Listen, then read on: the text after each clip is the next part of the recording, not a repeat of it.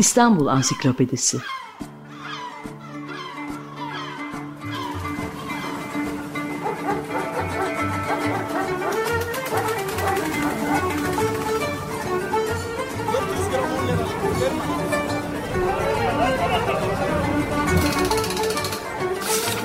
İnsanlar, olaylar, mekanlar, gelenekler ve ihtiyaçlar üzerinden şehrin tarihinden sayfalar.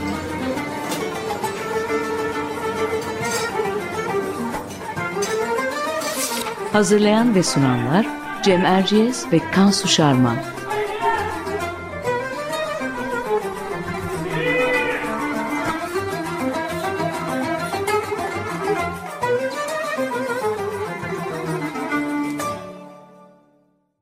Merhaba Cem Erciyes ben. Açık Radyo'da Kansu Şarman'la birlikte hazırladığımız İstanbul Ansiklopedisi'nin yeni bir programındayız. Bu program konumuz İstanbul'un köyleri. Konuğumuz bu konuda uzun yıllardır çalışan ve son dönemde İstanbul Büyükşehir Belediyesi tarafından yayınlanan Köyleriyle İstanbul adlı geniş içerikli bir kitap hazırlayan gazeteci ve yazar Adil Bali. Adil Bey hoş geldiniz. Hoş bulduk. Hoş geldiniz. Hoş Şimdi bulduk biz, Kansu. Biz Kansu ile her hafta olduğu gibi kısa bir giriş yapıp sözü e, konuğumuz Adil Bali'ye bırakacağız. İstanbul denilince elbette dünyanın en eski şehirlerinden biri olarak asırlar boyu farklı kültürlere ev sahipliği yapmış hem Asya hem Avrupa ticaret yolunun en önemli parçalarından biri olan tarihi, kültürü, nüfus yapısı, coğrafi yapısıyla büyük bir metropol akla geliyor. Ama İstanbul sadece tarihi yarımada ve sonrasında yakın çevresinde yapılanan kent merkezinden ibaret değil. Şehrin hem çok yakınında hem de uzağındaki köylerde yüzyıllardır süren bir yaşam var. Üstelik bu köyler İstanbul'un gıda ve erzak anlamında en önemli destek noktaları. Şehir tarihinin hiçbir döneminde kendi iaşesini sağlayamadığı için bağlı köylerin önemi de hiç eksik olmamış. Peki İstanbul'un köyleri denilince nereleri anlamalıyız? Nereden bahsediyoruz? Buradan itibaren de sözü Kansu'ya bırakayım. Bunları da bize Kansu anlatsın. Teşekkür ederim Cem. E, bu konuda tarih kitaplarından, e, şehir hayatına dair çalışmalardan, hatıra kitaplarından bildiklerimizin ne kadar sınırlı olduğunu e, Adil Bali'nin geçen ay yayınlanan kitabından anlıyoruz aslında. E, Adil yaklaşık 30 yıllık arkadaşım benim ve e, son derece detaylı bir çalışmayla İstanbul'un köylerinin hem tarihi hem de güncel durumunu, durumunu yansıtmış bu kitapla. E, kitabın içinde pek çok ismin kaleme aldığı yazılar var ve bunlar bu köylerin şehir için e, olmazsa olmaz durumunu, e, şehrin kültürel ve demografik yapısını nasıl etkilediğini e, ve popüler kültürdeki yerini aktarıyor. E, kısaca köylerin isimlerinden birkaçını da sayarak e, senin soruna yanıt vermek istiyorum. Sonra da sohbetimize başlarız. Florya, Bakırköy, Kadıköy, Üsküdar, Yeşilköy, Beykoz, e, Sarıyer e, ve bunların iskeleleri ve denizden uzak yerleşimleri, Eyüp Sultan, Çekmeköy, Pendik, Silivri ve Şile ve daha birçok yer e, bu köyler arasında sayılıyor. E, kimi bu köylerin ilçe olmuş daha sonradan, kimi semt olarak kalmış, e, kimi ulaşım imkanlarının artmasıyla uzak köy e, özelliklerini yitirmiş. E, şimdi ben sözü burada keseyim ve e, özetten sonra e, konuğumuz Adil Bali'ye dönelim. E, Adil şöyle başlayalım istiyoruz sohbetimize. İstanbul'un köyleri kavramı eskiden neyi ifade ediyordu, bugün neyi ifade ediyor? Evet, e, Kansu öncelikle ben şöyle başlayayım. Bu kitabı tabii çok kişinin emeği var. 848 sayfalık bir kitap.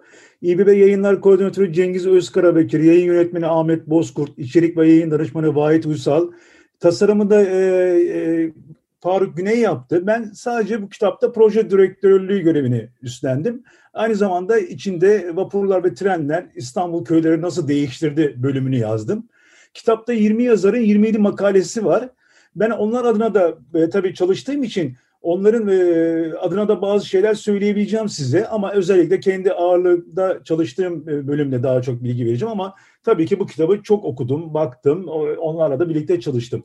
Şimdi senin soruna gelince evet İstanbul köyleri kavramı eskiden ne ifade ediyor, bugün ne ifade ediyordu, ifade ediyor.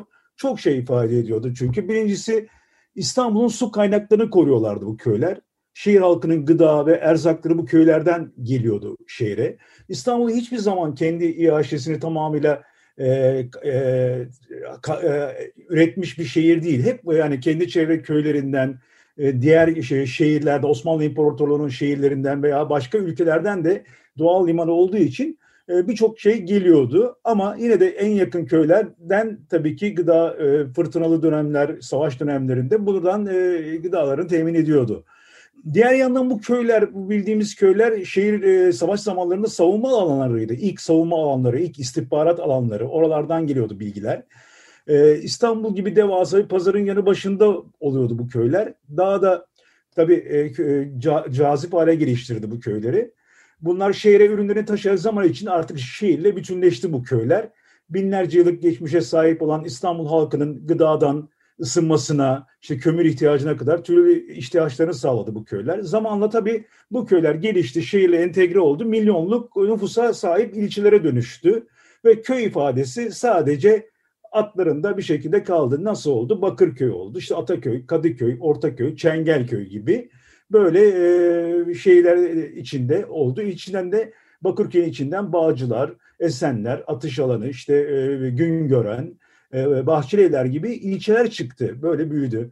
Hala direnen köyler yok mu? Var. Bunlar da artık köyden çok e, şu an literatürde kırsal mahalle diye geçiyor. İstanbul'un 966 tane mahallesi var. Kansu. E, bu üç mahallesinin üç tanesi organize sanayi mahallesi. Dudullu, İlkitelli, Beylikdüzü organize sanayi. Burada muhtarlık yok. Oranın yönetimi e, yapıyor. Geriye kalan 963 mahalleyi muhtarlar yönetiyor. Bu 963 mahallenin 185'i kırsal mahalle niteliğinde yani köy.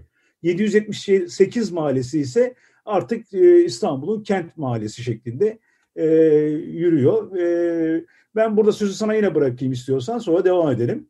Peki e, şimdi bu e, güzel bir e, çerçeve çizme oldu.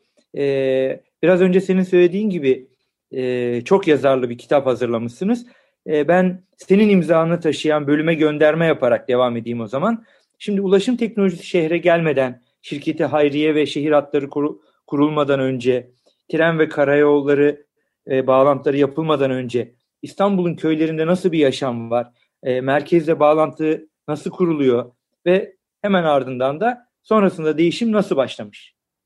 Evet hemen benim çok dediğim gibi daha önce Vapurları İstanbul kitabını yazdığı için Boğaziçi ile başlayalım. Boğaziçi İstanbul'un e, merkezine uzak bir yerde. 19. yüzyılın ilk yarısına kadar sadece birkaç sarayın, yalanın yer aldığı, yolu olmayan uzak bir bölge. Yani karayolu ulaşması çok zor. Yeniköy'ün üst kısımları, işte İstanbul'un bilinmeyen yerleri, kavakları gören insan sayısı neredeyse fazla yok. Boğaziçi'nin minik köylerinde çoğunlukla Rum, Ermeni balıkçılar ve çok az sayıda Türk yaşıyor. Ee, Boğazköy'ün birçoğuna karadan ulaşmak e, dediğim gibi imkansız ve çok zor. Yolcular ve yükler pazar kayıkları veya mamlalarla taşınıyorlardı o dönemde. Kayık sayısı 1802 yılında 3000 4000 iken 1844 yılında 19 bine kadar yükseliyor. Yani bayağı bir kayıkçı esnafı oluşturuluyor. Karadan Taraba'ya kadar hiç kimse gidemiyor. Evler ve dükkanlar hemen kıyıda, işte caminin yanında, kilisenin yanında derme çatma kurulan iskeleler var. Burada kayıkçılar geliyorlar. Birkaç balıkçı kulübesinden oluşan bu köyler, boğaz köyleri. E, denize doğru uzanan iskelede işte parasını hayır işlerinde kullanmak isteyen boğaz zenginleri e, kendi köylerine hemen bir pazar kayığı yaptırıyorlar ve kürekçilerin yemeğini, ihtiyaçlarını karşılıyorlar. Her kayık bağlı olduğu caminin ya kilisenin veya vakfın malı sayılıyor. E, her köyde ihtiyacı göre kayık bulunuyor. Bu e, bazı köylerde dört bazılarında bir tane kayık çalışıyor. Bunlar İstanbul'a, merkeze, Eminönü'ne, Sirkeci'ye, Karaköy'e, İstanbul'a yolcu ve yük getiriyorlar. Yani İstanbul'dan köylerine alışveriş yapıp eşyaları ve sepetlere doldukları erzaklarıyla e, şehrin merkezinden geri dönüyorlardı tabii. Kürekçilerin kas gücüne göre de işte Büyükdere'den akıntıyla birlikte bazen e, bir buçuk, iki saat, iki buçuk saatte Eminönü'ne gidiyorlar. Çünkü tamamen kas ve akıntıya bağlı bir şey bu. Sonra ters akıntıyla akşam o em yüklerle falan 3-4 saati buluyor o tabii e, böyle. Boğaz'daki yollara da kayıkla gidiliyor o zaman. Çok meşak, meşakkatli bir ulaşım aracı tabii ki. 18. yüzyıl başında işte İstanbul'da dediğim gibi e, yani kayıkçı sayısı 19 bine kadar ulaşıyor. Yani e, bayağı da İstanbul'un sen de bilirsin e, o dönemdeki tarihsel açıdan dar engebeli, engebeli sokakları var. Arabayla çok gitmek zor zaten. Onun için kayıklarla deniz yoluyla yapılıyor bu yolculuk.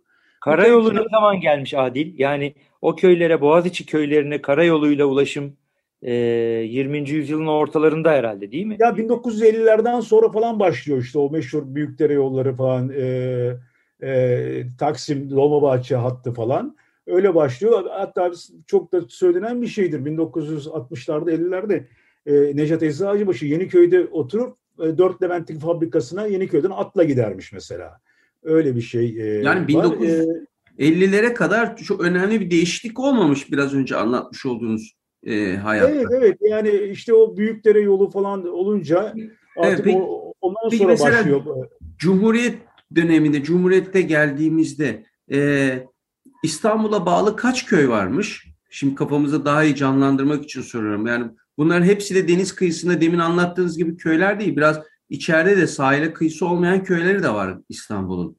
Değil mi? Evet. Ben Boğaz köylerinden başladım. Boğaz köylerini anlatmayı da seviyorum herhalde. Ondan da. Hepimiz seviyoruz. Çok tatlı çünkü onlar. Çok tatlı köyler. Evet senin soruna şöyle cevap verebilirim. 1927'de bir nüfus sayımı, Cumhuriyet'in ilk nüfus sayımı yapılıyor. Orada belirli kazalar, kasabalar, köyler de sayılıyor. Cumhuriyet'in ilk nüfus sayımı da İstanbul'da 1927 yılında yapılıyor bu nüfus sayımı. E, toplam 276 köy yerleşimi var hı hı. E, İstanbul'da.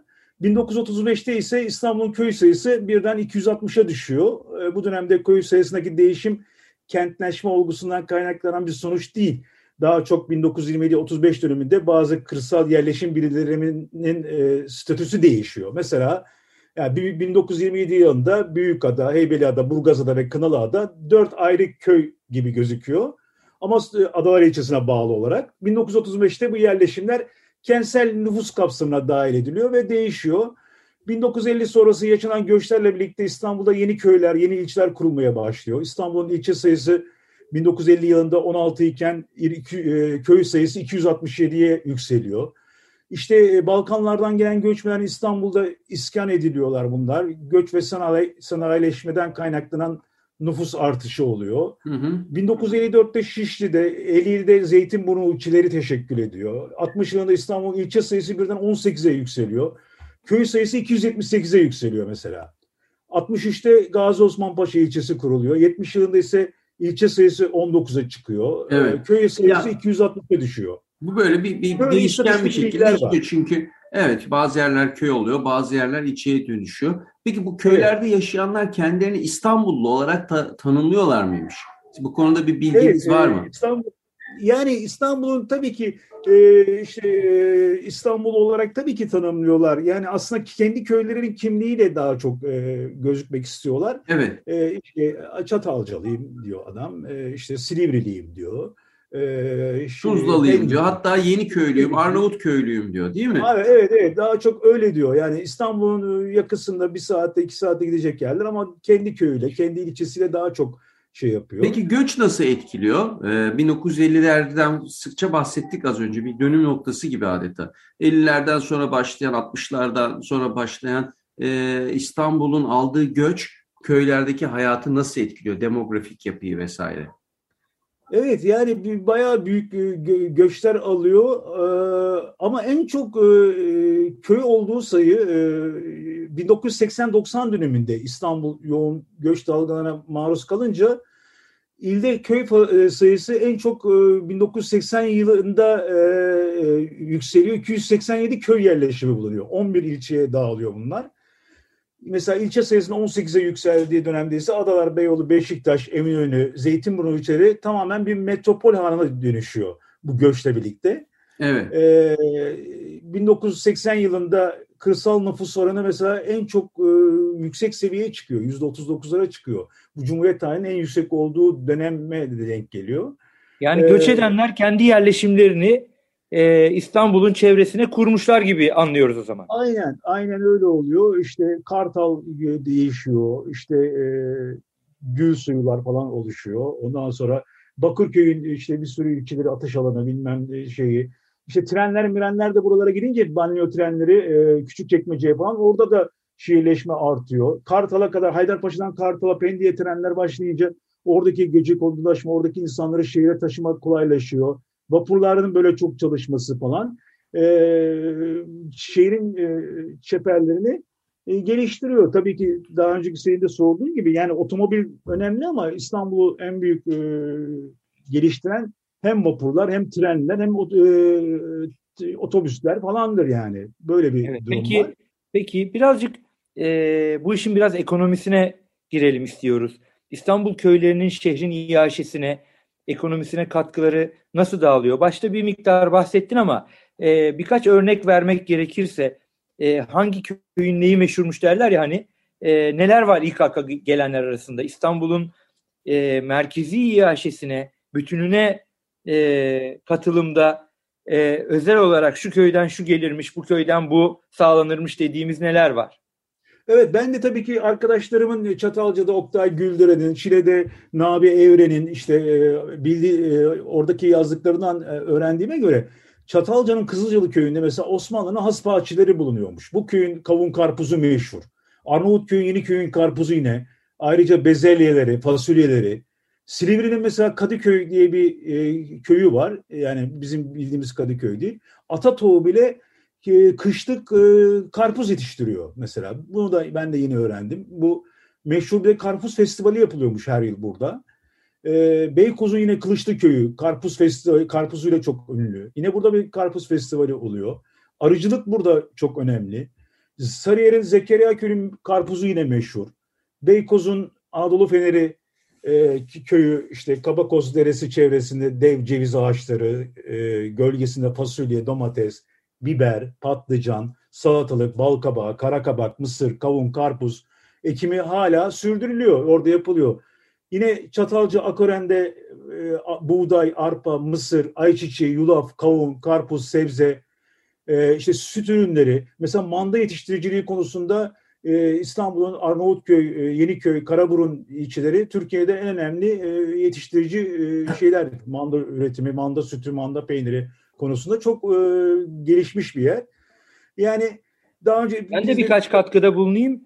Ee, mesela Kemer Kemerburgaz'ın kömürünün özellikle Birinci Dünya Savaşı yıllarında evet. e, İstanbul'a taşındığını, bu elektrik santralında kullanılmak üzere onun kullanıldığını biliyoruz. Onun evet. dışında e, bu yine Kemerburgaz ki asıl adı Pirgos'muş. E, Burgaz köyünden, Terkos'tan su hatlarının geçtiğini ve o bölgenin insanların e, aslında bu suyu sağlayan hatları korumakla e, yükümlü olduğu, vergi sisteminin ona göre düzenlendiğini, onların da orada bostancılık, tarımla uğraştıklarını e, biliyoruz. E, peki, e, şimdi kitapta süremizi iyi kullanmak adına e, şu noktaya da girmek istiyorum. Kitapta e, İstanbul'un köylerinin popüler kültürdeki yerinden de bahsediyorsunuz ve çok enteresan örnekler var e, İstanbul'un köylerinde ve taşrasında yaşamış edebiyatçılara ayrılmış bir bölüm var mesela. Kimler var aralarında bugün bizimle paylaşabileceğin? Evet, o bölümünde e, araştırmacı e, ta, ta, ta, e, Tahsin Bey yazdı onu da. E, Avcılar'da mesela e, Türker Acaroğlu var. E, Bakırköy'de Ahmet Rasim var. Cenap Şahabettin, Celal Said Erozan, Halit e, Ziya Uşaklıgil, Hüseyin Cahit Yalçın, Hasan İzzettin ama e, işte Velid Ebu Ziya, e, bilirsin sen de Basınköy vardır meşhur Bakırköy tarafında. Orada birçok gazeteci yazar bulunuyor. İşte Çetin Altanlar, Yaşar Kemaller orada. E, Levent'te Reşat Nuri Güntekin, e, Ahmet Caferoğlu, Muzaffer Uyguner, Safiye Ayla, Zeki Müren, Yılmaz Güney gibi Türkiye'nin önde gelen pek çok edebiyatçısı var orada. Sanatçısı, bilim insanı yaşıyor. Aziz Nesin, Levent'in ilk kitapçı dükkanını açan kişisi oluyor. İşte Çalıkuşu Roma ile sevdiğimiz e, e, Türk Edebiyatı'nın öncülerinden Reşat Nuri Güntekin yaşamış Levent'te. E, orada Çalıkuşu isminde bir sokağa da adı verilmiş. Beykoz'un Akbaba köyünde meşhurları var. Ahmet Mithat Efendi, Muallim Naci, Beykoz'da yine Orhan Veli Kanık, Tevfik Fikret Aşiyan'da, işte Tophane'de Vedat Türkali, e, uzun yıllar Fener'de İncebe Sokağı'nın ve Üsküplü'de Cibali Tütün Fabrikası'nın hemen arkasındaki sokakta Orhan Kemal ikamet ediyor. E, bu sokaklara yazıyor. E, bu ülkedeki yaşadıkları insanları yazıyor Orhan Kemal. E, mesela Pendik'te Neyzen Tevfik var. E, 1925 yılında bir süre Pendik'te hastanede yatıyor. Çıktıktan sonra e, kardeşi Şefik Kolaylı'nın yardımıyla, o bir ihtiyacıyla Pendik'te İskile başındaki İskile gazinosunun üstünde bir odaya yerleşiyor. Ee, kardeşi orada e, iyileştiriyor. Böyle e, diğer de birçok e, yazarımız var. Bu da geniş bir bölümde. Tahsin Yıldırım bu, bu, bu kaleme aldı. E, bunlar da e, kitabımızda yer evet. alıyor. Peki sinema, bir de sinema faslına girelim isterseniz. Tabii yani e, köyler gayet güzel doğal dekor oluyorlar e, birçok filme. Hatta western bile çekilmiş köylerde. Yine sizin kitabınızdan öğrendiğimize göre değil mi? Evet ben de sinema yazarı Tunca Arslan'dan öğrendim. O yazdı. ee, çok güzel, keyifli bir yazı gerçekten. Evet, ee, Pirinçliköy'de Western kasabası kurulmuş bu. Neresi bu ve Pirinçliköy? Taşlı Tarla yani şimdiki adıyla Gazi Osman Paşa. O zaman Taşlı Tarla. 60'lı 70'li yıllarda İstanbul'un kendine özgü ve öyle eğlence gece yaşamının önemli adreslerinden biriymiş bu belde. Orada Pirinçliköy diye bir yer var. Yeşilçam'ın ve ilk ta, sabit Western kasabası orada dekoruyla kuruluyor. Ee, gerçek adı Ahmet Sanatlar olan e, Bursa doğumlu bir Yeşilçam emekçisi Ahmet Sert. Bu yapıyor bunu. Ahmet, ayakkabı tamirciliğinden Yeşilçam'a gelmiş. Elinden her iş geliyormuş bu e, Ahmet Sert'in. Set işçisi, set amiri olmuş. Yapılmaz denen işleri yapmış. Figüranlık döneminin ardından yönetmen koltuğunu bile oturmuş e, Santa Fe adıyla Pirinçli Köy'de kurduğu 14 tane binadan olan Vahşi Batı kasabası gibi kuruyor burayı. Yerli malı işte yerli kovboy filmleri için kostümler yapıyor, aksesuarlar hazırlıyor. Kovboy, e, açılır kapanır barlar, kilise, posta arabasıyla banka evi de western kafası yaratmış. Yeşilçam ilk kovboy filmi İntikam Hırsı da 1963'te burada çekmiş bunu. E, bu muazzam dekor e, başka filmlerde de kullanılmış bu dekor. E, sonra mesela Çekmeköy, yani bu Çekmeköy meşhur şimdi çok villalarla falan bildiğimiz Çekmeköy. E, efsane yönetmen Musu Ertuğrul'un çektiği Habamam sınıfı uyanıyorum. E, hepimiz biliriz. 1976 yılında çekilmişti Habamam sınıfı.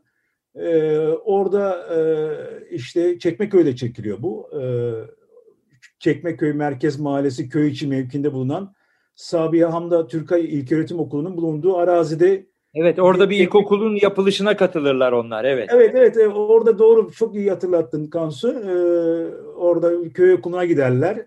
Ee, Havam sınıfa yardıma muhtaç bir köy evet, okuluna gider. Arkadaşlarından biri öğretmen oldu Ahmet evet. Tuğlalar getirirler, yapı malzemeleri, evet. mobilyalar getirirler. Kardeş köy okuluna yardımcı olmak anlamında.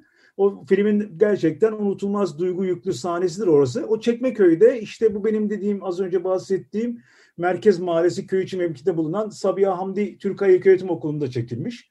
O, yani orada Çekmeköy İlkokulu varmış bir zamanlar. Ee, yine 5000 yıllık geçmiş olan yaşam alanı oluşturmak için insan ile oyulmuş Çatalca İnciyiz mağaraları var. Orada da bir Atıf Yılmaz filmi olan Kemal Sinol e, Güldürüsü Salako 1974'te çekiliyor bu mağaralarda. E, Birçok filmde çekiliyor bu İnceüz mağaralarında Çatalca'da. Yine resmi kayıtlara göre Türk sinemasının e, bilirsiniz ilk adımı 1914'te Fuat Uzunkınay tarafından Ayastefanos'taki Rus abidesinin yıkılışını e, belgelenmesidir. Bir İstanbul köyüdür o da, Yeşilköy'de atılıp çekilmiştir. E, Ayastefanos, Osmanlı döneminde Rumların yaşadığı bir balıkçı köyüken Cumhuriyet'le birlikte artık Yeşilköy adını alıyor. Böyle e, diğer semtlerde de Boğaz köylerinde özellikle Yeniköy sırtlarında Türkan Şoy'un çektiği, Fatma Girik'in çektiği filmler var. Yine e, işte e, şeyde Baltaliman'ın tepelerinde Boğaz görünen yerlerde birçok Türk filmi e, çekilmiş. Bunların e, detaylarını Tunca Aslan e, kitabımızda e, plato olmuş, e, Türk sinemasının plato olmuş köyleri bölümünde yazdı. Evet, Dracula İstanbul'da filmini Bakırköy'de çekmişler mesela. E, bu da evet. enteresan detaylardan biri. Tunca Arslan'ın e, bölümü e, onlarca filmin e, hangi köyün hangi bölgesinde çekildiği detayına kadar veriyor bize. Aynen. Ee, Bence kitabı alıp okusunlar detayı. Bizim anlatmamızda olmaz yani. Peki e, şimdi son olarak e, programımızın süresi tamamlanmadan önce birkaç cümleyle e, şunu da soralım. E, siz e, kitabın editörü olarak e, bir değerlendirme isteyelim senden e, artık bu köyler mahalle olarak adlandırılıyor ve e, ulaşım imkanları çok daha kolay. E, bir kısmına metro, bir kısmına tren, bir kısmına vapur, e, karayolu imkanları neredeyse hepsine var. İletişim keza çok daha kolay. Şehir büyüdü. E, köy özelliğini koruyanlar kaldı mı bugün? E, kalan varsa daha ne kadar kalır? Evet, e, ben de kitabın şimdi burada belki de konuşmadığımız en önemli bölümünü konuşalım. Ya tarım alanı, e, hava suyu koruma, köylerin böyle bir işlevi var. Yani yeşili koruyorlar, köyü koruyorlar, suyu koruyorlar, su havzalarını koruyorlar, gölleri koruyorlar, e, oradaki kuşları koruyorlar bu köyler. Yani daha önce de söylediğim gibi İstanbul'un 963 mahallesi var. Bunun 185 hala köy, e, Kansu, kırsal mahalle. Yani bunlar hala köy statüsünde ve tarım yapılıyor burada yani bunlarda. Hatta biraz daha ileri gideyim ben sana. Yine böyle köylere yakın 30 tane kentsel mahallenin de tarlaları var. Burada da e, tarım yapılıyor. Toplam 215 mahallesinde diyelim yani 185 köyü artı 30 kentsel mahallesinde tarım yapılıyor. Yani İBB Tarım Müdürlüğü'nden aldığımız bilgilere göre bu köylerde yani 74 bin hektar tarım arazisi var. Çok büyük bir rakam. Yani bu bazı köylerde bu çiftçi artan maliyetler nedeniyle toprağını ekmiyor. Sonra kentleşme geliyor, villalar geliyor, betonlaşma geliyor. Bu köyleri e, harap ediyor ama e, bu köyler hala direniyor, hala ekim yapılıyor. E, yani arpa, buğday ekiyorlar. Yani Türk, Türkiye'nin işte binde dokuzunu belki buğdayda falan karşılıyorlar üretim olarak. Binde dokuzunu üretiyorlar ama üretiyorlar hala arpa, buğday üretiliyor. İşte birçok e, değişik meyveler üretiliyor bu köylerde. E, Pendik'in Göçbeyli'sinde e, Sarıyer'in e, Gümüşdere'sinde hala sebzeler ekiliyor, seracılık yapılıyor. Yani bu anlamda e, bu köyleri korumamız gerekiyor. Duyamadım seni. Kaybetmemek lazım bu. Evet evet kaybetmemek bu, lazım Kansu. Bu e, yani bu köyler hala İETT otobüsüne gidilebilecek yakınlıkta. İETT otobüs, otobüsleri çalışıyor. Senin dediğin gibi yani nasıl gidilebiliyor buraya? Gidiliyor. İETT otobüsleriyle gidiliyor. Yani bugün gittiğinizde Yeniköy'e, Karaburun'a mandalarla karşılaşıyorsunuz. Manda sütü, yoğurt bunları alabiliyorsunuz. Yani birçok köyünde, Şile'nin birçok köyünde hala e, tarım yapılıyor. İşte odun kömürü yapılıyor. Sahillerinde denize insanlar giriyor bu köylerin. E, yani bu köyler hala duruyor. 185 köy bu sanayi ve metropol şehir için çok önemli bence. Bu köyleri çok geliştirmemiz Peki. lazım. Süremizin sonuna geldik. Adil çok teşekkür ediyoruz. E, bu hafta İstanbul'un köylerini e, bu konuda çok detaylı bir kitabın hazırlanmasına öncülük eden, onun koordinasyonunu üstlenen gazeteci ve yazar arkadaşımız Adil Bali ile konuştuk. Haftaya yeniden buluşmak üzere. Hoşçakalın. Hoşçakalın.